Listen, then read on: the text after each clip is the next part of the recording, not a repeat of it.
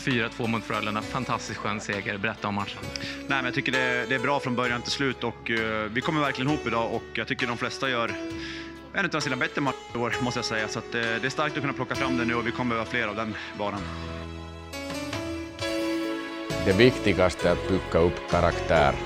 Bygga upp sådana karaktär att, att du kan liksom lära lita på varandra. Och de karaktäriska sakerna är e att du kan vara empatisk, vänlig, arbetsmoral hög, ödmjuk och sådana sakerna vill vi prata och bygga upp hela tiden.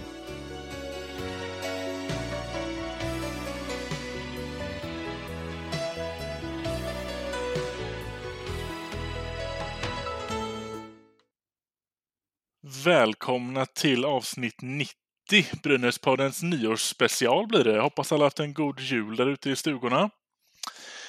Men vad är det egentligen vi gör här? Det är inte poddmåndag för oss och detta avsnittet släpper vi inte på en tisdag. Är världen helt upp och ner eller är det bara JVM som står i lågor, Viktor?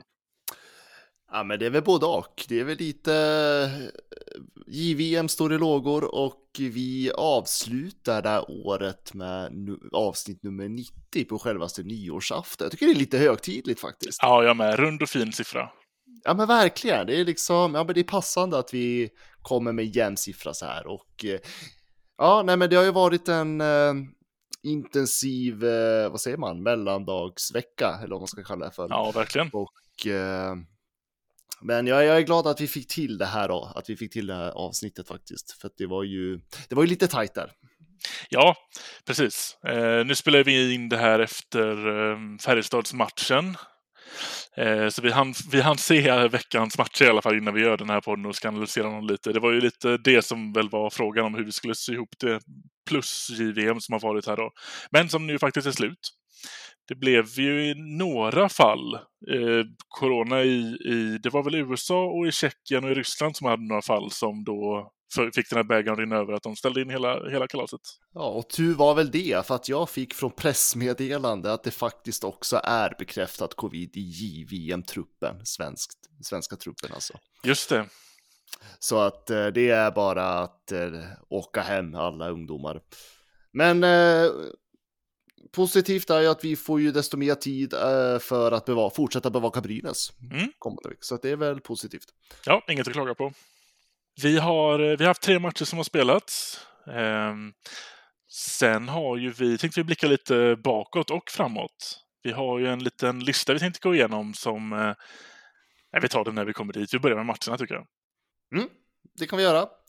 Vi kan väl, eh, ja men jag såg ju en av dem live faktiskt. Ja precis, Starkt, eh, starkast ut först direkt i Malmö-matchen på hemmaplan. Ja men, ja men kan vi prata om den? För jag tyckte, eller jag tyckte den var rolig såklart. Um, jag, uh, ja men dels så tycker jag vi ska ju prata om det tråkiga. Det är ju såklart att det här med nya restriktionerna. Det här var ju annandagshockey och jag hade ju såklart sett fram emot en fullsatt arena hemma i Gävle.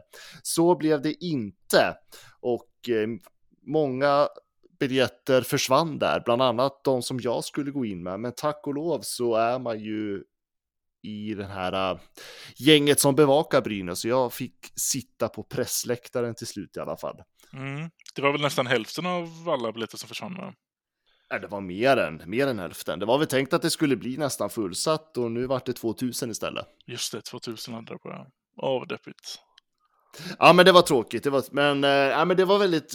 Jag, eftersom att jag inte har varit på plats äh, på typ två och ett halvt år, mest på grund av pandemin, men sen också dålig timing då jag besökt Gävle, så var det ju för mig väldigt stort att få komma hem igen, för det var riktigt, det var så det kändes. Mm. Man fick komma hem och man fick liksom prata med samma människor som stod vid entrén och det var samma gamla rävar uppe i, på pressläktaren. Nu får ni ursäkta alla Brynäs-skribenter som står där, men, ja, men det, det, var så, det var trevligt på något vis. Eh, och sen också få träffa de här nya, eller inte alla, men några nya ansikten in i Brynäs, eh, ja, kansli. Sfären. Ja, men precis. Ja, men så det var roligt. Var, jag har också sett att det, eh, du dök upp på eh, storskärm. Hur, kom, hur fick du den här äran? Ja, det var ju fantastiskt. Nej, men jag fick ju stå och prata i, i periodpauserna där i arenan. Jag har gjort det x antal gånger tidigare, men det blir några år sedan nu. Mm. Så att, eh, nej, men det var jätte fantastiskt och det där någonstans blir det ju att man blir så tacksam i att man bevakar en klubb som Brynäs, för att jag vet ju i och med att jag är redaktör för hela Svenska fans Hockeyzon också att eh, det finns ju skribenter som har jätteproblem och blir motade av sina klubbar. Eh, men när man kommer till Brynäs så är det så, det är som att komma med en upp, man kommer och bara bli omfamnad och välkomnande. Och eh, för vår del så var det ju faktiskt så att Brynäs lyfte ju fram Brynäs-podden på plats under match. Ja, tack för det och eh, kul Ja, men det var jätteroligt. Så att, eh, nej, men jag, eh, jag hade nog årets bästa dag i Malmö och det gjorde ju inte dagen sämre heller att Brynäs vinner med 4-0. Nej, nej, verkligen inte. Jag tycker nästan att vi kommer ju komma in på det lite senare, men jag tänker, vi har ju haft några matcher i rad nu där det har varit riktigt strålande spel och det, borta mot Örebro blev det ju lite liknande där också, samma som när vi var innan uppehållet då, den här 4-0 från eh, Frölunda. Det har ju varit några, väldigt konstigt nog, 4-0 matcher. Jag tycker nästan att spelet har sett väldigt, väldigt lika ut på samtliga. Det har varit väldigt kontrollerat och man har tagit det, man har fått matchen till sitt eget tempo och växt in i det. För det är ju sällan att vi har satt in de här fyra målen direkt i period ett, utan det har ju kommit ju längre matchen går märker man att vi tar över och tar över. Och så tycker jag att det var väldigt mycket mot Malmö också. Ja, men jag tyckte Malmö inledde ju mycket hetare än vad Brynäs gjorde. Och jag, jag, tror att de ledde väl skotten väldigt väl. Jag tror att var det inte Ola Palves 3-0 mål där så hade ju Brynäs i princip 75 procent i skotteffektivitet, ja. vilket säger en hel del om hur matchbilden var. Ja. Eh, och jag tänker framförallt första perioden där så tyckte jag mest att det var Malmö som hade spelet och sen var det väl om jag inte missminner, finns var det inte precis efter numerärt underläge? Frågan är om det inte var i under med numerärt underläge. Ja, det kanske till och med var det. Jag tror det var det första vi gjorde för året, eller för hela ja. säsongen. Ja, det kanske det var. Strunt samma. Det vart 1-0 till Greg Scott. Våra lyssnare får rätta oss där. Ja. eh, och eh, fantastiskt roligt att just Greg Scott får näta dessutom. Ja, snyggt var det med. Mm. Och sen eh, period två så uh, tyckte jag ändå att då kändes det lite grann som att Brynäs, precis som du säger, man tar över matchen mer och mer. Och att en spelare som Marcus Björk får göra 2-0 målet. Mm. Vet att jag tänkte på dig då Fredrik? vad tänkte du då? Jag tänkte så här, vad kommer Fredrik säga nu? För jag vill höra det. Kan inte du säga någonting positivt om Marcus Björk just nu?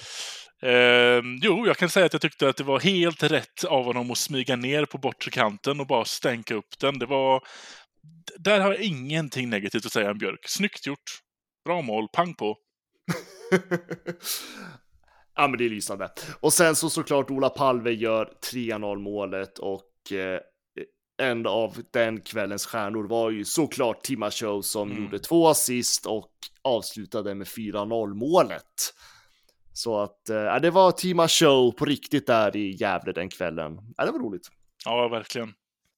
Otippat också att det är ändå en streckstrid vi har med, med Malmö och att, att de inte kommer upp i, i, i nivå alls i period två och tre tycker jag väl. Ett, första var ju som du säger lite mer åt, åt deras håll, men sen var det ju bara Brynäs. Ja, nej, men jag, jag, kände lite där, särskilt när Marcus Björk gjorde 2-0 målet där, då, då var jag ganska säker på att Brynäs skulle ta den här matchen. Eh, dels utifrån att det var just Malmö vi möter och jag tycker inte att Malmö har den kapacitet att vända en sån match. Sen tyckte jag naturligtvis att efter det där målet att Brynäs tog ju liksom, eh, man fick kontroll på matchen mm. och fick Malmö precis dit man ville. Ja, men det var en riktigt bra match. Sköna, sköna poäng. Sexpoängsmatch var det ju. Ja men verkligen, superviktig match. Så och eh, Veivileinen får hålla nollan en gång till och det kommer han få göra en gång till den här veckan dessutom mot Örebro. Herregud, nu vart det en gång till två gånger där. är det något mer du vill säga om Malmö-matchen? Nej, men nej, men återigen, viktigt att vi kan vinna de matcherna som är måste-matcher för oss nu. Vi, vi, mm. vi har råd att förlora mot uh, Rögle, uh, Skellefteå, Frölunda, jag försöker bara komma ihåg vilka det är som ligger i toppen av tabellen, dit, dit man aldrig kollar längre. Men de har vi lite mer råd att förlora mot. Men de här sexpoängsmatcherna måste vi vinna och här gör vi det och det är bra, mycket bra. Ja men verkligen. Eh, lite kul skvaller, man hör ju otroligt mycket när man sitter där på pressläktaren och, Mm. eh, och jag var ju i den nivån att jag ville prata med allt och alla den där kvällen. Ja. Ehm, eh, tråkigt eh, så är det väldigt, eh, väldigt mycket snack om att Timashov åker till Ryssland nästa säsong, men det kanske inte är allt för oväntat. Eh, lite roligt ändå är att han är tydligen jäkligt noga med att det blir bra bilder på honom. Jag har hört detta också. Ja. Eh, han ber till och med fotograferna att skicka bilderna som de tar på honom efter matcherna. Ja, han, ehm, han är här för det, i den här säsongen för att öka sina aktier och ehm, det finns mer än ett sätt att göra det på. Ja, nej, men jag gillar, jag gillar det. Han är lite egocentrisk där, men eh, det Ja, nej, men det var lite rolig information bara om honom. Det har han ju faktiskt all rätt att vara nu så länge han spelar på det här sättet. Mm. Och sen fick jag också höra det från eh, våra egna skribenter på Svenska fans som bevakar där. Eh, samma fotograf dessutom som berättade tidigare information är ju att eh, Mikko Manner ska tydligen vara en jävel på att skrika på spelarna under match. Jag har börjat se det lite mer och mer Ja. nu. Ja, alltså jag har inte tänkt på det. Jag tycker man ser kanske inte, det lyser kanske inte igenom allt för mycket till eh, oss som sitter i hemma i tv-soffan, men tydligen de som står där nere vid båset på sidan om, de säger tydligen att han är en jäkel och det spelar ingen roll om det är såväl Marcus Björk eller Anton Rudin. Mikko Manner är inaktiv och ryter ifrån på spelarna när han är missnöjd. Ja, det är bra. Ja, så det är lite skvaller från Gävle Mhm. på annandagshockeyn. Om vi drar oss vidare då, två dagar senare så åker vi upp till, eh, ner menar jag, det är upp för mig, men ner för laget såklart, till eh, Örebro. Det blir ju en ny nolla för Veini och 4-0 igen. Precis, och eh, det är lite som du säger, det är lite likt ändå eh, Malmö-matchen, men det som sticker ut i den här matchen är ju egentligen målskyttarna. Mm, det, det är det. Det är liksom Niklas Danielsson, tvåmålsskytt. Adam Pettersson, såg du den komma någonstans? Nej, det gjorde jag inte. Nej, det enda som kändes liksom, ja men det här är helt enligt eh, manus, det är ju när Ola Palve gör 4-0 och assisterad av Rudin och Shea Genoway. Ja, förutom detaljen att man borde kanske byta på att det är Palve som är lägger den här och Rudin som ska göra målet egentligen. Ja, men jag, men jag tänkte mer på poänggörarna där. Mm, mm. Fan, alltså annars kändes det ju verkligen, okej, okay, Timashu var ju assisterande Niklas Danielsson där på, eh, vad var det, 3-0 målet. Ja. Men annars är det ju liksom, Niklas Danielsson blir assisterad Hedberg. Adam Pettersson assisterad Birgersson. det är liksom, nej, det är roligt att se. Ja, och det är ju såna här typer av... Jag menar, vi skulle inte kunna gå fyra matcher och vinna, eller tre matcher och vinna 4-0 i rad utan att såna här typer av målskyttar kliver fram som Pettersson. Eller att Birgersson ger in och gör, går in och gör ett starkt jobb och assisterar till, till Pettersson till exempel. Vi, vi har ju varit inne på det tidigare att vi har inte de målskyttarna att kunna göra 12 mål framåt på tre matcher och inte få in lite, lite doldisar från, från, från fjärde sidan eller tredje femman som, som gör lite extra jobb. Nej men verkligen. Och sen tycker jag ändå, jag tänker man, man berömmer Weine väldigt mycket för de här 4-0 matcherna, men jag tycker att är något som vi har kritiserat väldigt mycket den här hösten så är det ju backspelet, men just de här matcherna tycker jag att hela Brynäs försvarsspel har ju varit otroligt bra och strukturerat och disciplinerat. Eh, Och det har ju såklart hjälpt väldigt mycket till varför Brynäs inte har släppt in någon mål. Ja, ja verkligen. Jag, ehm, jag tycker att det definitivt har varit bättre. Sen, sen vet jag, eller jag har märkt av gånger där man ser att det här här är det bara Veini som gör att vi inte åker på ett baklängesmål. För här har vi gått bort oss igen och så får Veini en sån riktig vad heter det, stolpe till stolpe räddning. Men, men generellt sett över hela de här matcherna som vi har kammat in tre poänger på så absolut, det har sett jättemycket bättre ut. Ja, nej, men jag håller med lite i det du säger. Det jag reagerade på främst var i boxplay. Det var ju särskilt där mot Malmö tyckte jag att det var. Det blir alldeles för stillastående när eh, man liksom back, när man hamnar där i boxen. Mm. Eh, och jag tycker det är lite till den som man också ser när motståndarlaget sätter, får press under en längre period så blir det rätt stillastående. Eh, Mm. men det är precis som du säger, då har Wayne ändå liksom ja, räddat kvar Brynäs i matchen. Ja. Och också väldigt mycket, vilket jag, det kommer vi väl till alldeles strax här, men det som fällde oss lite delvis idag som matchen mot Färjestad är ju, det blir väldigt mycket pucktittande i försvaret. Och då blir det väldigt, eh, då blir det väldigt farligt, för då dyker någon upp på andra sidan, eh, andra sidan målet och så smäller det. Men eh, tyvärr då, här slutar ju också Veinis, ska man säga, era av att banka igen helt i... Eh, det var ju någon som skrev att Veini åker Sverige runt och spikar igen, eh, spikar igen målen i bortarinkarna. Mm. Nej men alltså ska vi, om vi ändå är inne på att eh, han, han kunde ju ha hållit, eh, eller slagit rekord Mm. mot eh, Färjestad, men då skulle han ha hållit nollan över 17 minuter. Eh, det gick inte ens fyra minuter innan Färjestad gör 1-0. Men jag tycker, alltså, tittar man på Färjestads alla tre mål så är det ju, det är ju inte Veinis fel. Det handlar Nej. ju helt om att Brynäs tappar ju markeringar.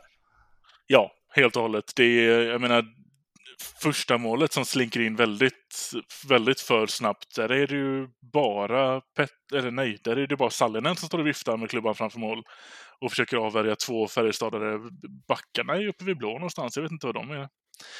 Men, men ja, det är som du säger, det, det fallerade lite idag, men och jättesynd att Wayne inte fick ta, sin, ta sitt rekord, men eh, han har ju kammat in 12 stiliga poäng till oss.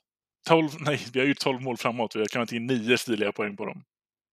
Ja, men verkligen så att eh... Alltså Färjestad är i en jäkligt bra form och tittar man spelare för spelare så är det ju det här, det där ett lag som faktiskt ska vara med och slåss om topplaceringarna. Eh, Så att jag är inte, jag är inte ett dugg förvånad över att eh, matchen blev som den blev, men jag är såklart besviken på att försvarsspelet såg ut som det gjorde med tanke på hur du, hur ändå hur, ja men det har ju ändå sett rätt lovande och stabilt ut de senaste omgångarna Mm. innan, innan den här matchen. Så att, eh, ja, det är klart en besvikelse, men jag är inte förvånad att Brynäs förlorar matchen. Nej, det är inte heller. Jag... Man har ju mycket självförtroende när man har spelat tre matcher 4-0, såklart. Mm. Jag var ju väldigt självsäker på att det här ska väl, det är ju bara Färjestad, det är inga problem.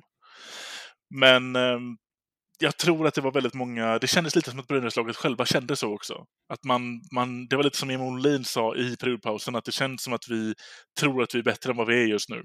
Och det straffar Färjestad för.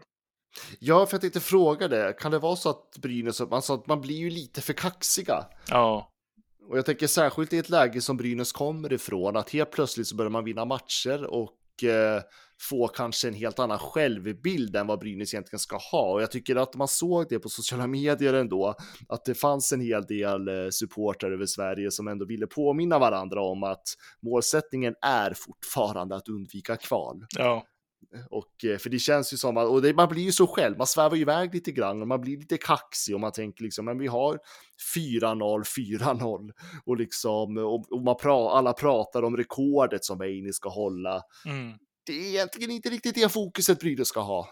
Och det kändes som att det var mycket där det hamnade och det var nog det som fällde oss idag tror jag. För utöver det här um, att Weinig inte fick hålla sitt, sitt rekord, eller så, fortsätta hålla nollan och ta rekordet, så, så var det en väldigt uddlös match va? Ja, det var det väl. Det, jag tyckte det var väl där. Ska jag väl vara lite kritisk så tyckte jag väl ändå när Brynäs ska ändå försöka göra någonting av matchen i tredje perioden så kommer man inte riktigt till skott heller. Nej. Och ja, jag vet inte. Det är ett tråkigt avslut på året egentligen, tanke på hur det har varit, men ska jag vara helt ärlig så är det här en match jag bara vill glömma, utan jag vill ta med mig de här matcherna som vi har sett tidigare under december månad. Där har vi någonting att ta med oss. Verkligen. När vi ändå har matchen så här fräscht i, i sinnet nu när vi spelar in direkt efteråt så har du någon förklaring på Timashovs utvisning när han kommer fri med målvakten? Nej, alltså faktiskt inte. Alltså det är klart att nu ser man ju matcherna med sympati sympatier för Brynäs, men jag Mm. tycker ärligt talat att Timashov, han stormar in där, han går på puck och eh, nu försvann namnet på Färjestad-målvakten, ja skitsamma. Mm. Eh, han åker ut och är ju Ja, faktiskt han är ju inte i sin målgård Nej, men det är det jag säga, han är ju faktiskt en bit utanför målgården. Så jag förstår faktiskt inte det där och det är ju inte så att Timashov störtar in i honom heller. Nej. Nej, han gör ju faktiskt allt han kan för att undvika det, men, men skridskon är väl det som hamnar på efterkälken. Jag, för, jag förstod den verkligen inte faktiskt. Nej, men det är ju sånt där som blir så jäkla och någonstans det är väl marginaler för domarna att bedöma, men det, och det har ju med regelboken att göra, tänker jag också i många fall, att Mm. det är jävligt svårt att göra en bedömning just i sådana där situationer i om man bara har liksom hundradelar på sig att ta beslut. Mm. Men eh, nej, jag, jag fattar inte att man inte såg över det där för att uh, utvisning, i, i, min, i mitt tycke ska det inte vara utvisning.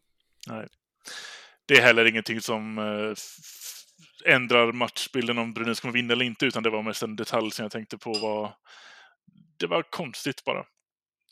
En annan, eh, en annan detalj jag har tänkt på, jag har ju i förra avsnittet till exempel, var jag inne en del på att vi skjuter inte förbi första täcket. Det här var ju någonting som jag eh, la lite skulden på, på Björk enbart för. Eh, orättvist såklart, för han är verkligen inte den enda backen som inte kan skjuta förbi första täcket. Men jag har dragit lite statistik på det här nu. Jag har faktiskt utnämnt mig själv till officiell statistiker. Då är det de här senaste annandagsmatchen mot eh, Malmö, det är Örebro-matchen och det är dagens match mot Färjestad.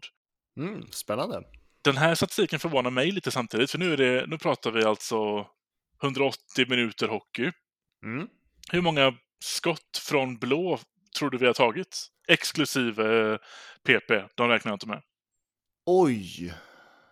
Oj, alltså och inte i numerärt överläge alltså. Nej. På tre matcher. Mm. Skott från blå. Oj jäklar, vad ska man komma med för siffra nu? Nej men jag säger... Uh, åtta.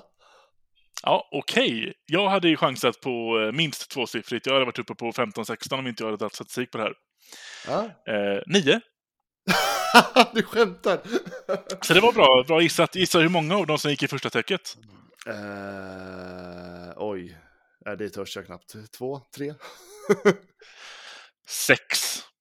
Ah. Ja, men faktum är att det här var ju en grej jag pratade om i periodpausen eh, där i match mot Malmö. Mm. Just att jag sa ju där då också att jag tyckte att backarna skulle ta, ta för sig mycket mer. Och det var ju då som Björk gjorde mål. Ja. men, eh, nej, men så att det var därför jag tänkte att nej, men det kan inte vara så jäkla många ändå. Men vad sa du, hur många var det? Var det tre? Sex av Sex. nio går i täcket. Ah, ah, ja, det är, ja, ja. Gandersson, kan han komma tillbaka tror du? Ja, ja, ja, så det här är hemska siffror. En tredjedel av allt du skjuter från blå går igenom. Resten studsar på första täcket och det är risk för kontring. Ja. Men det var bara de här tre matcherna sa du? Ja, Det skulle vara intressant att veta hur många det är totalt. Ja faktiskt. Och sen, sen, eh, sen är det jag som har gjort den här statistiken också. Så jag har varit lite... Ja, det där var inte ett skott från eh, back eller från blå. Nej, den där gälls inte. Men lite sådana grejer. Säg som det du har räknat bort alla Björks skott. jag började lite med att skriva ner namnen också. Eh, Men sen insåg jag att det kommer jag inte kunna hålla koll på så på tillräckligt bra. Jag fokuserar på siffrorna. Men, ehm, men jag tror att det var lite jämnt fördelat. Hedberg får också ta lite kritik här faktiskt. Han var eh, de tre eller två första av de här som gick direkt i skottet i täcket i alla fall. Så det är, det är ett generellt backproblem vi har definitivt. Mm. Nej men det, och det känner vi till. Det är ju, backarna är ju Brynäs svag, svaga länk den här säsongen. Mm. Så att jag är inte ett dugg förvånad och vi har ju liksom inga offensiva backar. Det var ju, det är ju, tanken var väl att det skulle vara Björk i början, men eh, Ja. det skulle behöva skjutas lite mer från honom. En sak att tillägga där. Nu har jag inte, det är inte, som sagt, jag har inte skrivit ner namnen på vilka det är och som har kommit igenom, vilka det är som inte har kommit igenom. Men jag är rätt säker på att jag bara har lagt till ett skott i första täcket på Genova. Resten har kommit igenom på honom. Så han vet ju i alla fall hur han ska ta sig runt först och få igenom pucken. Ja, men det är ändå intressant. Jag menar, Genoway är ju också en av backarna som eh, vi tänker också ska vara av lite högre kvalitet än de andra. Ja, Och nej, men han, är, han har ju ändå börjat visa sig lite mer nu de senaste månaderna, så att eh, få följa upp det där. ja faktiskt. Jag kommer nog inte fortsätta föra statistik på det, men eh, nu har jag i alla fall fog för att min magkänsla av att vi får inte igenom dem. De, det stämmer. Mm, och det finns ju säkert mer eh, riktigt djupgående statistik som, man Ja. kan, som vi kan leta upp. Men det kan vi inte göra nu under inspelningens gång, men vi får nog kolla upp det senare kanske. Ja. Samlat Skellefteå-försvar, Jakob Silfverberg. Men vilket mål han gör! Vilket mål han gör, Jakob Silfverberg! Nu har han gjort flest mål i en SM-finalserie i ett SM-slutspel genom tiderna. Men vilket mål han gör! Om vi ska ta och blicka bakåt lite här nu då så har vi ju eh, faktiskt så att eh, herr Alner här har gjort en eh, väldigt bra lista på hur har 2021 sett ut för Brynäs IF. Åh, kära värld. Ja, det har jag gjort. Eh, det har ju minst sagt varit ett händelserikt år för Brynäs och jag tänkte först att nej, men jag gör en topp 10-lista som jag tänkte att jag skulle redovisa för er här i podden. Och sen så tänkte jag, okej, men vad har hänt under 2021? Och inser ju då att den här 10 ja, punkterna blev lite fler. Jag tror jag får upp det till 35 punkter Ja, på, på stora händelser i Brynäs och jag kunde faktiskt inte riktigt eh, bestämma mig så att jag tänker så här. Vi kör igenom hela året. Vad säger du om det? ja, ja det finns. Det går inte att peta ut några tio topp 10 här. Det, det har varit ett väldigt unikt år. Ja, men det har det verkligen varit och jag vet att när jag samlade ihop all det här datat så kände jag lite grann att det är ju helt otroligt att Brynäs IF fortfarande andas som förening. Ja, efter att ha varit med om ett så händelserikt år på mycket, mycket ont, men det finns några guldklimpar också. Eh, jag vet inte, ska jag läsa det rätt upp och ner? Och så kan vi... ja det tycker jag. Ja, eh, det kan ju vara så att eh, vissa händelser går ju ha hänt samtidigt och eh, det är lite olika hur media har fångat upp det här så att det kanske är något datum som kanske blir fel, men det är ändå under den perioden och händelserna har ju ändå hänt i den här ordningen. Så tänker jag. Ja. Ja, men vi börjar 2021 och då går vi direkt till den 12 januari och då anklagas ju Brynäs för att svänga i frågan om stängd liga. Det var ju frågan om att tillfälligt stänga ligan på grund av pandemin och det här togs ju upp redan 2020 den hösten. Eh, många hävdade att Brynäs kommenterade då den hösten om att ligan skulle fortsätta vara öppen men, men, att, men att man nu svängde i frågan. Men den dåvarande klubbdirektören Micke Capese gick snabbt ut och dementerade uppgifterna. Brynäs ville ha stängd liga redan inför säsongen. Ja, den minns jag mycket väl. Ja, det varit en jäkla diskussion där. Ja, det var upp och ner och vad tyckte man och så var det ord, ordtolkningar man skulle vrida och vända på för att få det här att stämma. Mm, och Brynäs menar ju någonstans att de hade ju aldrig varit rakt på sak att man skulle att ligan skulle vara öppen, utan man menar ju egentligen att eh, man ville ha diskussionen, men att man var mest för stängd i liga redan i början. Mm. Eh, Men andra hade ju tolkat annorlunda. Ja, ja, verkligen. Mm, så det vart lite rörigt där. Det var det. Men vi hoppar vidare. Den 29 januari, Brynäs är på väg mot bortamöte i Göteborg. Men på vägen på E18 så händer det något. Brynäsbussen skulle väja för ett annat fordon som stod vid vägrenen och då ska en annan bil ha kört in i sidan på bussen och trafiklyckan var framme. Tack och lov klarade sig samtliga inblandade helt oskadda. Det här är någonting som har undgått mig faktiskt. Jag fick veta det här när jag läste din lista. Ja, men du ser, du hänger inte med här Fredrik. Nej, nej. Tur har det. Ja. ja, men det tror jag, det vart nog ingen jättestor nyhet tanke på att alla klarar sig heller. Nej, precis. Jätte, det var ju väldigt bra. Att, på så sätt tur att jag inte har hört, fått höra om det. Mm. Men som alla vet, 2021 var ju året där det gick lite motigt för Brynäs. Det vart ju mycket diskussioner och i en intervju den 15 februari så är eh, Andreas Takell som intervjuas i Betssons SHL-podcast och där kritiserar han styrelsens arbete. Kritiken handlar främst om att det saknas tydliga riktlinjer från styrelse till de som ska arbeta operativt i föreningen. Mm. Och det som sticker ut lite det här, dels så är det ju Andreas Takell som är en väldigt stor profil i Brynäs. Och det är också en person som har suttit i styrelsen, varit sportdirektör, sportchef, tränare. Ja, han har väl haft alla roller man kan ha i Brynäs. Ja, jag tror jag. Och han går öppet ut och kritiserar styrelsens arbete. Det var ju egentligen, det var ju inte början på det, men det här var ju, adderar ju till den här hela styrelse, Brynäs styrelse våren 2021. Det är ju ett eh, virvar. Det kommer mer av det. Det kommer mer av det. Ja, men det, det är sant. Det börjades ju då alltså vad ska man säga, diskussioner fanns ju redan innan, men mm. det satte väl fart ja, på diskussionen, det. skulle man väl säga. Eh, men vi kommer till något positivt nu i alla fall, för den 19 februari Lara Stalder gör sitt 80 poäng för säsongen och blir därmed historisk när hon sätter nytt poängrekord i SDHL. Ja, det är ju eh, det är ju sjukt, det är 19 februari bara. Mm. Han hade flera matcher kvar på sig och spräcka den där. Det var ja, jag... med god marginal.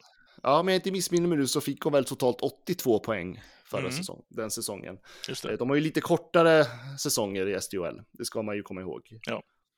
Eh, men vi går vidare och då är vi inne på mars månad och det är den 3 mars då konspirationsteoretikerna riktar blickarna mot Brynäs. Gävleklubben var ju det lag som drabbades allra mest av covid-19, inte på grund av att det var smitta i Brynäs, utan det var ju smitta hos lag som Brynäs skulle möta. Och detta föranledde till att Brynäs fick ett helt galet matchschema där det varken fanns tid till återhämtning eller träning. Och helt plötsligt när det samtidigt är intensivt och det går motigt så börjar Brynäs själva åka på smitta. Men enligt många och inklusive stora poddar och profiler som Sanni och Svensson börjar man diskutera om Brynäs ljuger bara för att få ännu fler matcher framflyttade och därmed också få lite andrum. Men att Gävle under den här perioden var hårdast drabbat av coronan i hela Sverige, det var mindre intressant. Ja, det här minns jag ju. Det var ju väldigt, väldigt konstig situation. Var, blev nästan lite förnärmad över att man blev fuskanklagad för, för att ljuga om att få tid liksom. Ja, men det, var ju, det var ju jätteanklagelser och det var ju verkligen, och det var ju faktiskt inte bara Sanny och Svensson, det var ju flera andra stora framträdande oh, journalister ja. i Sverige som satt med de här funderingarna och eh, ja, det var helt galet. Ja. Ja, vi går vidare. Den 10 mars. Brynäs SDHL-lag vinner tredje raka semifinalen mot HV71 och tar sig till SF-final för första gången sedan 2013. Ja, en jäkla bedrift. HV var ju egentligen tippade för att ta, ta det där till final. Ja, men verkligen. Så att eh, historisk dag ja, var det ju ändå. Definitivt. Men vi går vidare i mars månad för den 26 mars. Då är det fortfarande jobbigt för Brynäs IF och sportchefen Micke Sundlöv meddelar att han inte tänker fortsätta i klubben. Utan hans kontrakt gick fram till den 30 april och där var det slut. Ja, konstig timing. Här, här minns jag att vi har pratat om det, att det är 26 mars. Det är, det är slutet av den näst sista månaden av spel för Brynäs och vi har ingen sportchef för nästa säsong. Vem, vem har påbörjat jobbet för nästa värvning? Ja, det där var ju underligt. Ja. Ja, det var ju en gigantisk diskussion. Eh, det var ju, ja, och det var helt tyst från Brynäs också, kommer du ihåg det? Ja, knäpptyst. Och sen börjar den första april och då är det så att Brynäs åker på blytung förlust mot såklart Färjestad med 4-1 och då är det klart. Brynäs IF kommer spela kvalspel 2021. Ja, känslomässig dag. Ja, den var tung. Och två dagar senare, den 3 april, Brynäs förlorar grundspelets sista batalj mot Oskarshamn. På väg hem i spelarbussen får huvudtränaren Peter Andersson och assisterande tränaren Viktor Stråle reda på att de har fått sparken. Istället satsar Brynäs på de helt oprövade korten Josef Boumedienne och Nisse Ekman. Och sen är det såklart att den odödlige Mikael Holmqvist, han blir kvar som tränare. Ja, det eviga mysteriet. ja, det här var ju en av de, en av de mörkare perioderna i Brynäs 2021 historia alltså. Ja men verkligen, och det där var ju också en skandal, för att det var, var det inte så att Peter Andersson fick reda på det där via media? Ja, exakt. Det här var ju liksom den här läckan som fanns i Brynäs IF. Ja, och då var det ju bara Peter Andersson också. Viktor Stråle fick ju höra av sig själv och fråga, har jag också fått sparken? Ja, just det, så var det ja. Ja, oh, herregud. Ja. Men vi fortsätter på året som ja, Ta oss vidare förbi det här. Herregud, ja, när man tror att det värsta har hänt så kommer det, ja, som jag tror att många kanske minns. 9 april, mitt i ett brinnande kvalspel, inleds förundersökning då Patrik Berglund misstänks för våld i nära relation. Han förnekar brott med detsamma.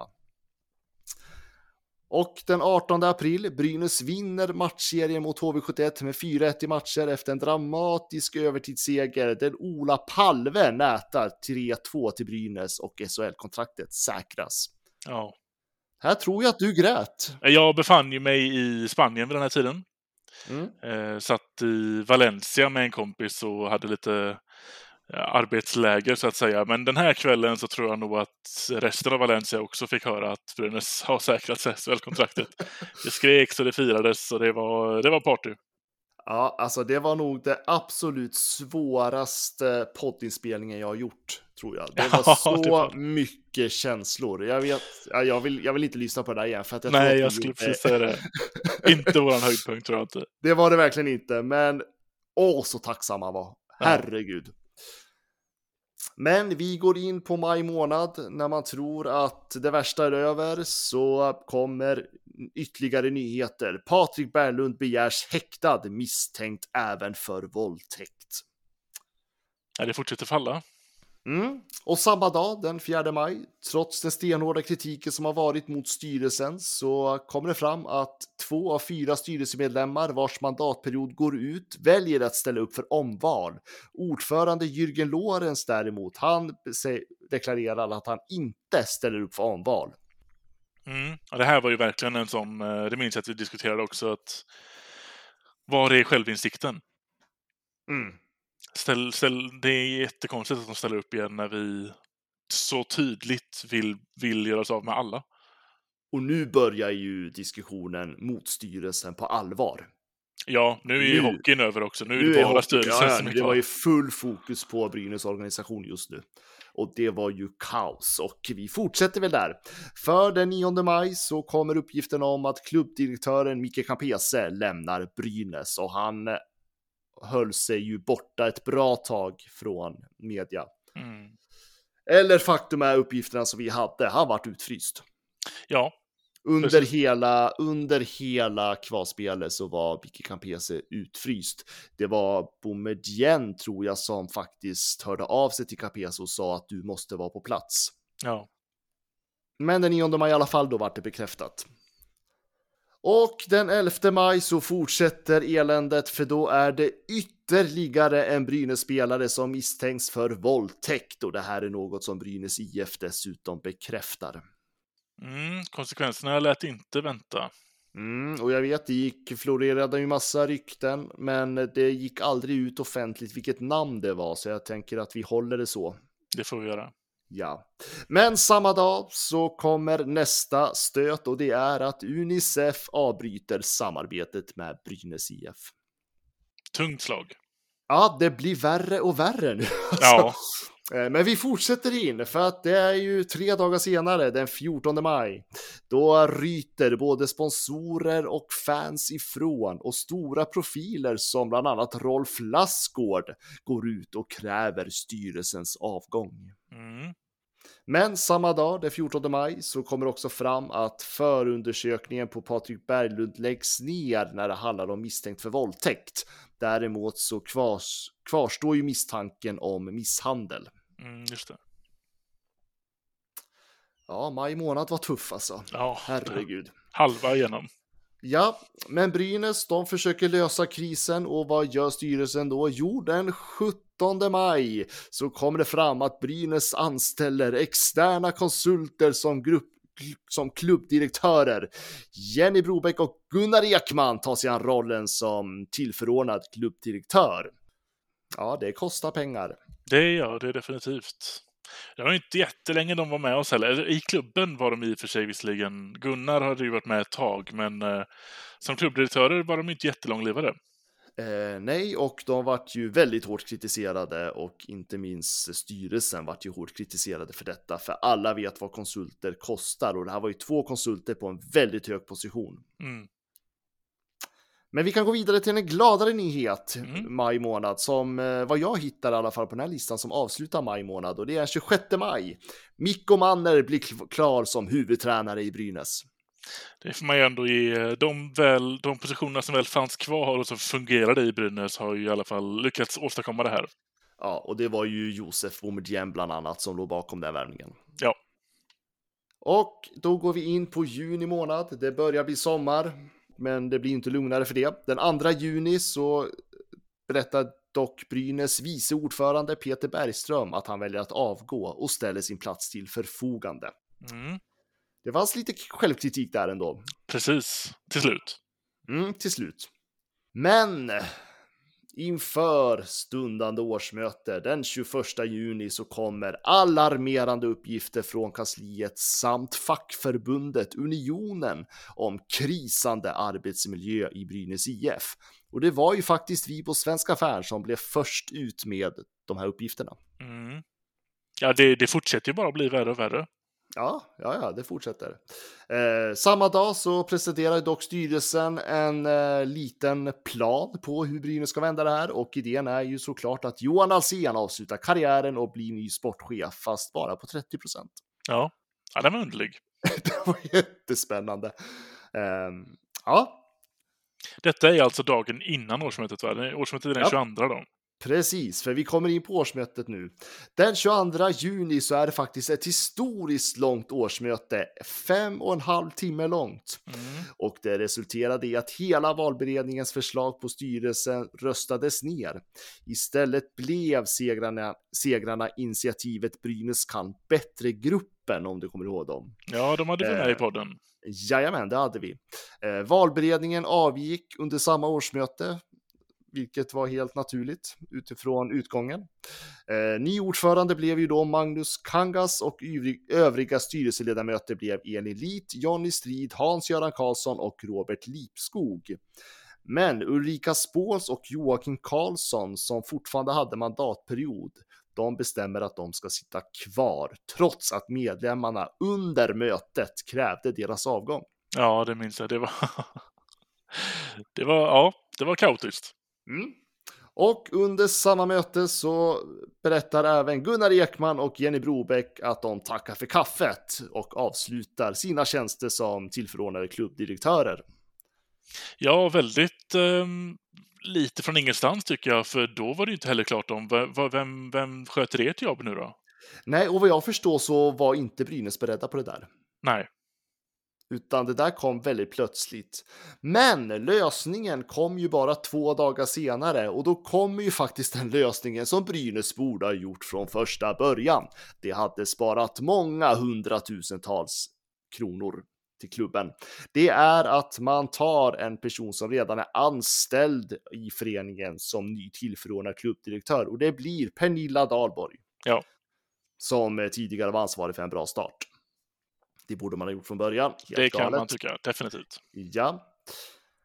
Eh, Vi fortsätter juni månad och då är vi inne på den 29 juni och det är våldsutredningen mot den andra Brynäs-spelaren som inte namnet officiellt på, den läggs ner. Åklagare kan inte bevisa att spelaren gjort sig skyldig till brott. Mm. Eh, Oj, lång lista. Ja. Eh, vi är inne på juli, där händer det inte så mycket, förutom en sak och det är den 9 juli så kommer det faktiskt fram att Ulrika Spås och Joakim Karlsson avgår. Och då är istället, eh, nu ska vi se om jag kan uttala hans efternamn, att jag inte har lärt mig den. Det är Marcus Ajolei tror jag man säger och Liselott Sving in som adjungerade styrelseledamöter. Alltså de får vara med på mötena men de äger ingen rösträtt för det måste ju medle- medlemmarna måste ju rösta in dem ja, officiellt först. Om man ska förklara det enkelt. Och det var ju ändå en positiv nyhet. eh, Den enda positiva nyheten vi hade under juli, eller egentligen den enda, alltså det enda som hände under juli. Det, som, det tog ju dem ändå tre veckor att komma till den här självinsikten. Ja, men det gjorde ju det och jag kan ju tänka mig att där i juli började vi också sommarledigheterna så att det är väl därför det inte hände så mycket heller Ja. under juli månad. Precis. Nej, det där var väldigt märkligt för att det var ju uppenbart redan månader innan styrelsemöte och un, eller säga med vad heter det, årsmöte. Ja. Och eh, under årsmötet så var det ju så tydligt att de hade ju inget förtroende kvar av medlemmarna. Ja. Och ändå envisades de att sitta kvar tre veckor till. Ja. Och jag trodde ju inte alls, alltså jag menar efter tre veckor, då hade jag ju accepterat det här att de kommer sitta kvar där och göra vad de kan för att fortsätta föra sin, sin stil och leda den här styrelsen. Men, ehm, men, men nu, här är ju dagen då där allting faktiskt går över till Brynäs kan bättre-gruppen helt och hållet istället. Ja. Även Och, om de inte får hel eh, rösträtt då, men de är med i gänget och får diskutera ut planerna. Ja, men absolut. Och eh, det var ju rent krasst, det var ju det enda alternativet som medlemmarna ville ha. Ja. För att det var ju liksom det enda andra alternativet, Mm. om man säger så.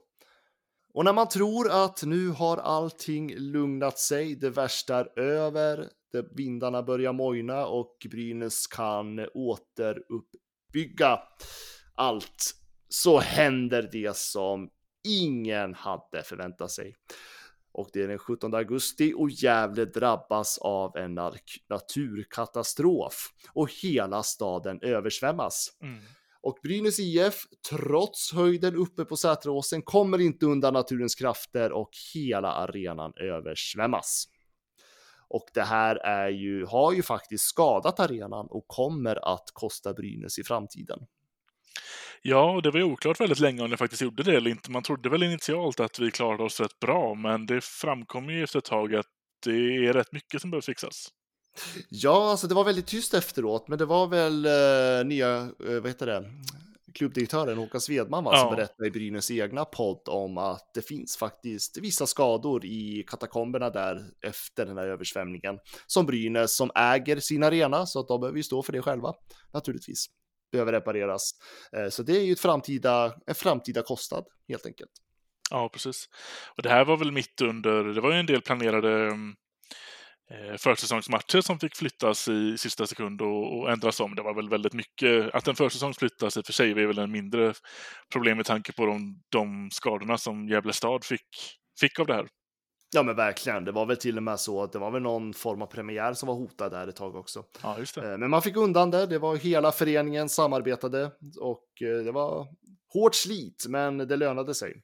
Men dagen efter, den 18 augusti, när eh, vattnet fortfarande står högt i arenan, så presenterar Brynäs Håkan Svedman som ny klubbdirektör. Men han tillträdde dock inte förrän den 1 oktober. Just det. Och nu kommer vi kanske till den lite roligare delen av 2021. Eh, för att det börjar lugna sig lite nu. Eh, det finns några tuff, tuffa saker kvar, men det börjar ändå ordna upp sig lite nu för Brynäs. Eh, för att nu är det inne på september här och det är den 9 september som Erika Gran blir historisk sportchef på herrsidan. Och hon jobbar då tillsammans med Johan Arsén. Den, den har vi ju fortfarande kvar att, eh, ska man säga, kvar att utvärdera. Mm.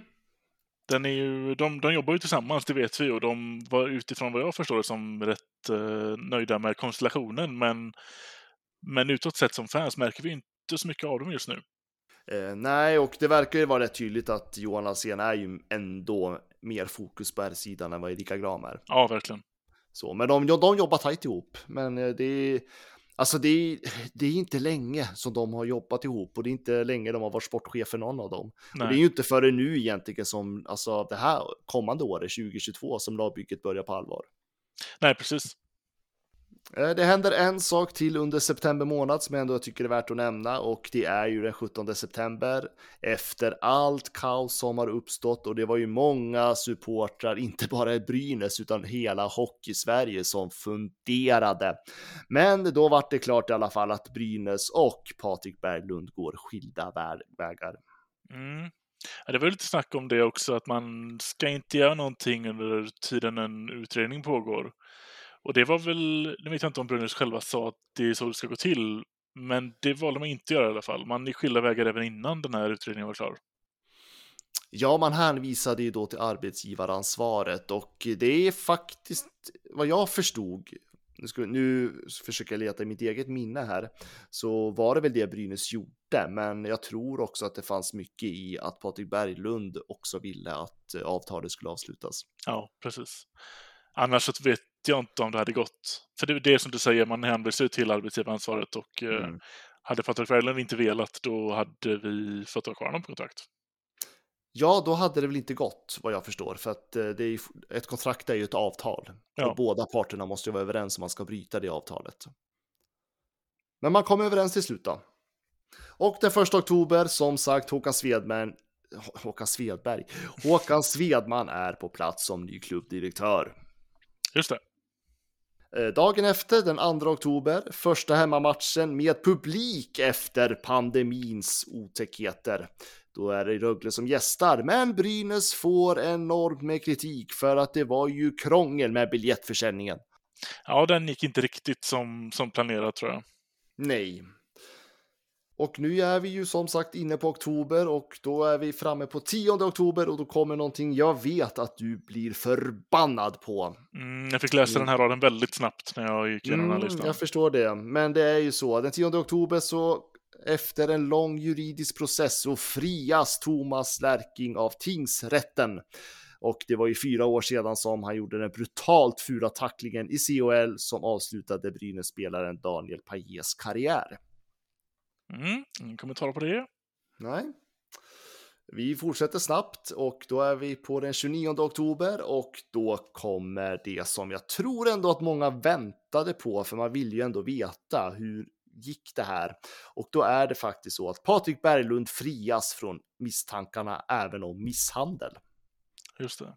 Så att han blir ju inte dömd för något. Nej. Och den 29 november så hålls det också ett extra årsmöte. Vi ska inte gå in på några detaljer då, men nu är hela styrelsen officiellt styrelse, som man säger. Mm. Alla har även röstberättigad nu vad jag förstår. Ja.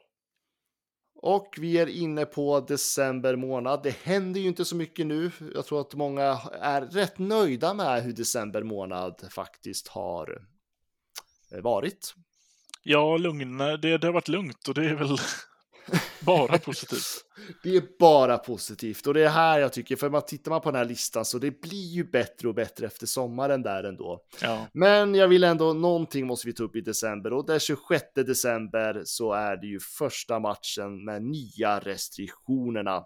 Och det tvingar ju Brynäs till ett nytt biljettkaos då över 6000 åskådare skulle bli 1 och 5 tror jag, men de blev 2000 till slut. ja. Och jag hade ju såklart hoppats på att idag när vi spelar in den här podden den 30 december att vi hade kunnat prata om en målvakt som höll historisk nolla, men så blev det ju inte. Det hade ju varit ett väldigt, väldigt fint prick över i ett, men eh, vi, vi får nöja oss med att det senaste som hände var restriktionerna som kom. Ja, men lite så. Men eh, jag vill faktiskt avsluta den här listan med ett hedersamt Brynäs-minne. Och det har att göra med legendaren Lars Bylund som somnade in den 3 november 2021.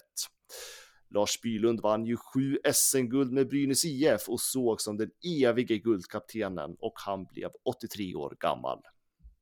Ja, jag vet inte om man kan... Eh, självklart är det här en guldkapten, en, en evig le legendar om man är med Brynäs IF så här länge och vinner sju guld. Ja, det är helt otroligt. Det behöver man ju inte ens göra för att kunna vara en Brynäs legendar. Men sju är ju, det är ju det är extremt. Ja, verkligen. Men det är faktiskt värt att nämna, han var inte lagkapten när Brynäs vann sitt första SM-guld. Just det. 1964 var det va?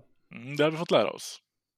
Precis. Utan han vart ju lagkapten direkt, alltså efteråt. Så att eh, hela media Sverige skrev ju fel kring Ja. det där. Eh, men eh, bara för att förtydliga, han var inte lagkapten när Brynäs gjorde sitt första SM-guld. Men han var lagkapten på de sex kommande SM-guldtitlarna som föreningen har efter det. Ja. Så där har vi Brynäsåret 2021, min gode vän Fredrik. ja. Det är, jag vill inte vara med om ett sånt här år igen. Nej, inte jag heller. Det Alltså har det hänt här, lite är, för mycket. ja, men det här måste ju nästan vara unikt på något vis. Ja, ja faktiskt. Nu, nu har jag absolut inte koll på andra klubbars eh, krisår, men det här är liksom... Nej, det blir väl om vi sitter och skriver ner lite vad som händer med Djurgården just nu. De verkar inte ha det jättebra, men eh, jag tror inte att de är i närheten av det här. Nej, och eh, nu ska inte jag utmana vädergudarna på något sätt, men jag tror inte hovet kommer drabbas av översvämning. Eh, jag hoppas verkligen inte att Djurgården kommer vara med om en bus busskrasch. Eh, inte några rättsliga påföljder heller. inga rättsliga Den... skandaler heller för den delen, men kval kommer de nog få uppleva. Nu har det i och för sig inkommit en anmälan väl, internt. Ja, men det har väl att göra med arbetsmiljön, va? Ja. Den har vi redan bockat av också, så att det... Den har vi också bockat av. Nej, men det har varit ett intensivt år, så att det, om, man någonstans, om man någonstans ska ha förståelse vart Brynäs som förening och lag kommer ifrån den här hösten så är det bara att titta på uh, vilken resa vi har gjort 2021. Ja, verkligen. Den är helt galen. Den är helt sjuk. Så. Och absolut, jag har full respekt för det kan ju ha varit någonting jag missat i den här listan och eh, då är det väl bara att höra av sig och berätta att jag missade det helt enkelt. Jag är helt öppen med det. Ja, men det är mycket bra research för att säga av dig. Snyggt upplagt. Det, det har varit ett eh, helt sjukt år som du har fångat in snyggt här. Ja men verkligen och äh, men det, var, det, var, det var jobbigt att äh, skriva den här listan för att man, man fick ju så mycket flashbacks hela Ja. tiden äh, kring liksom allt som har hänt. Så att äh, det, ja, jag vet inte, jag blir lite ödmjuk inför resan som Brynäs faktiskt äh, är på just nu också. Mm. Eh, och Ja, det blir man ju. Och liksom, eh, ja, man blir påmind om, eh, det här är liksom grunden som vi har, som man har, försöker bygga upp någonting nu av. Ja, och jag vill ju inte strö några salt i eventuella sår här, men vad skönt det hade fått vara och, och, och avsluta det med att någon typ av rekord här som Veini skulle kunna ta, att, att det blir slutet på ett så kaosigt år. Det hade ju varit väldigt, eh, väldigt, väldigt fint. Men ser det så här då, Brynäs höll ju ändå nollan. Eller 4-0, 4-0, 4-0 fram Ja. till sista dagen på året höll jag på att säga. Mycket starkt avslut. ja men faktiskt, jag tycker december månad får faktiskt sammanfattas som ett jäkligt bra avslut tycker jag ändå. Ja, verkligen. Om du ska singla ut en av de här grejerna som du har skrivit upp här, vad, vad tycker du är den, eh, något som sticker ut över mängden positivt sett? Vad är vi väldigt glada över har hänt det här året? Alltså ska jag vara helt ärlig. Mm. Så något som faktiskt eh, värmer mig mest, det är eh, engagemanget som fanns eh, kring årsmötet. Mm. Eh, Och antal medlemmar som faktiskt, det var väl till och med rekord på antal aktiva medlemmar som deltog på det här årsmötet. Det var ju digitalt årsmöte. Ja, det tror jag väl. Jag vill minnas att det var väldigt många, även väldigt många som inte ens var röstberättigade heller. Ja, ja, men det var väl typ över 500, något sånt där var det. Ja, det tror jag. Så, ja, jag skulle nästan ha kollat upp den siffran. Ja, nej, men alltså det som jag ändå vill, alltså det fina i det där är ju engagemanget runt föreningen och eh, ja, men det var lite grann att eh, ja, men vi fick nog. Det fick vara nog nu. Mm. Och liksom att Bryne och Brynäsarna kraftsamlade sig till att faktiskt få en förändring. Ja, och väldigt, eh, det var ju inte heller speciellt eh, nära omröstningar, utan det var tydligt vad medlemmarna vill. Det var jättetydligt. Det var ju, det var ju överkörning av Brynäs kan bättre-gruppen. Ja. Jag vet, Ska man kalla dem det fortfarande? det är bara styrelsen nu. Ja, styrelsen. Nej, men nuvarande styrelsen, det var ju total kross eh, som de vann med, så det var ju.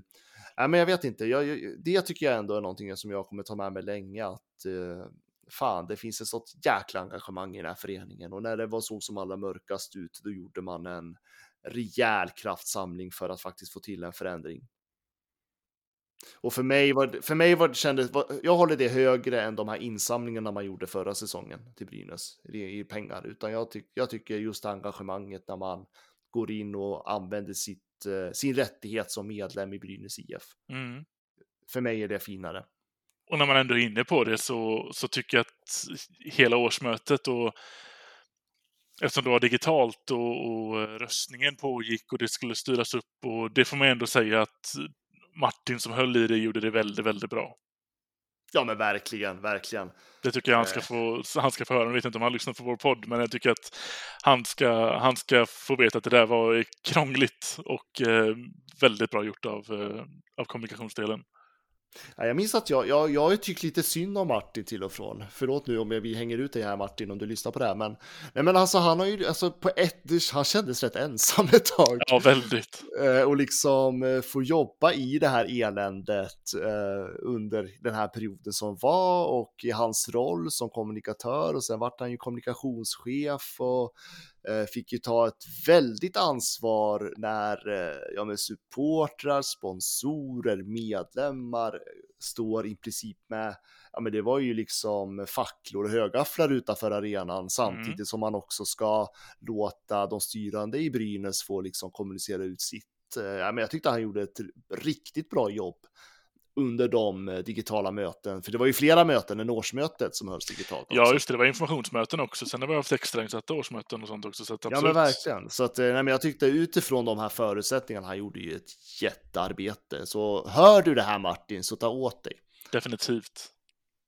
Är det du då, Fredrik? Är det något, något som du lägger till minne extra mycket som jag håller med dig i den pucken, men, men jag vet inte om jag tycker att det är bättre eller likvärdigt, men jag är ju väldigt nöjd så här i efterhand med att vi lyckades plocka in Mikko Manner. Jag tror att det har varit en, eh, en, eh, en liten vändpunkt i mentaliteten kring hur vi vill, hur vi vill jobba i Brynäs och hur man, vilket sätt man ser på saker och ting i organisationen.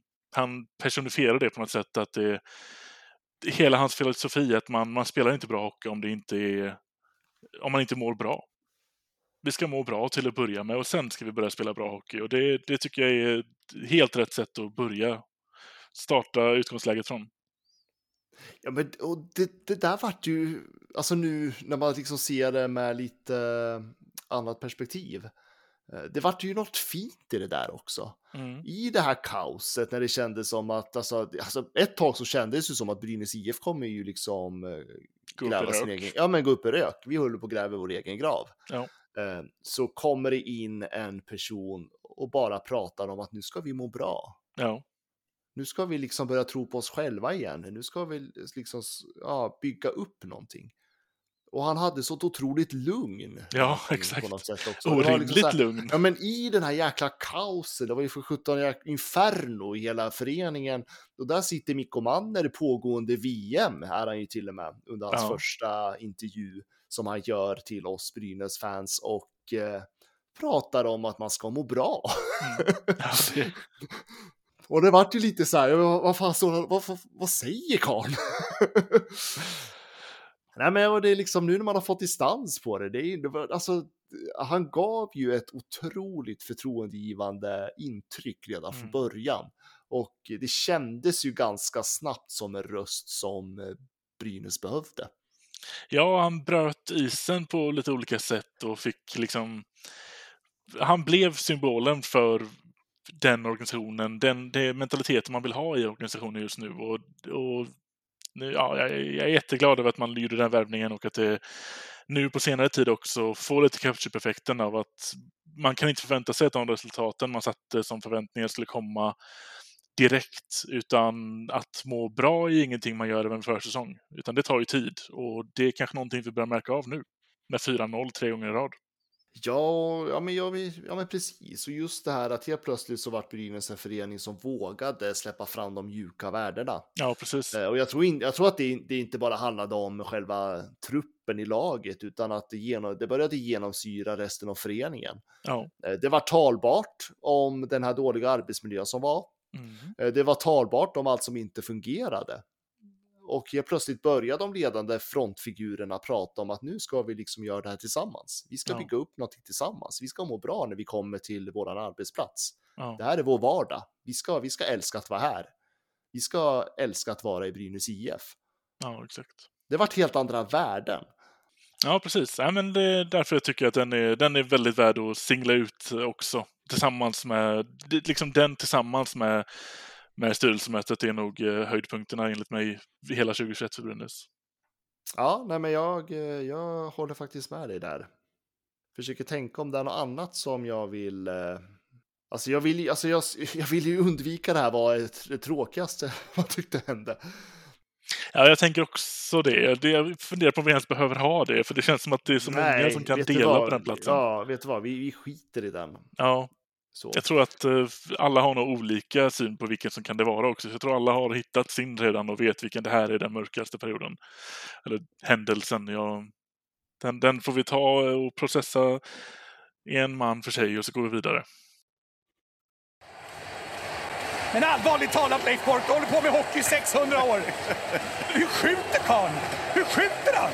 Han skjuter väldigt bra, han skjuter väldigt hårt, han skjuter väldigt pricksäkert. Ska vi ta en liten blick framåt mot 2022? Vad är det du ser mest fram emot, Fredrik?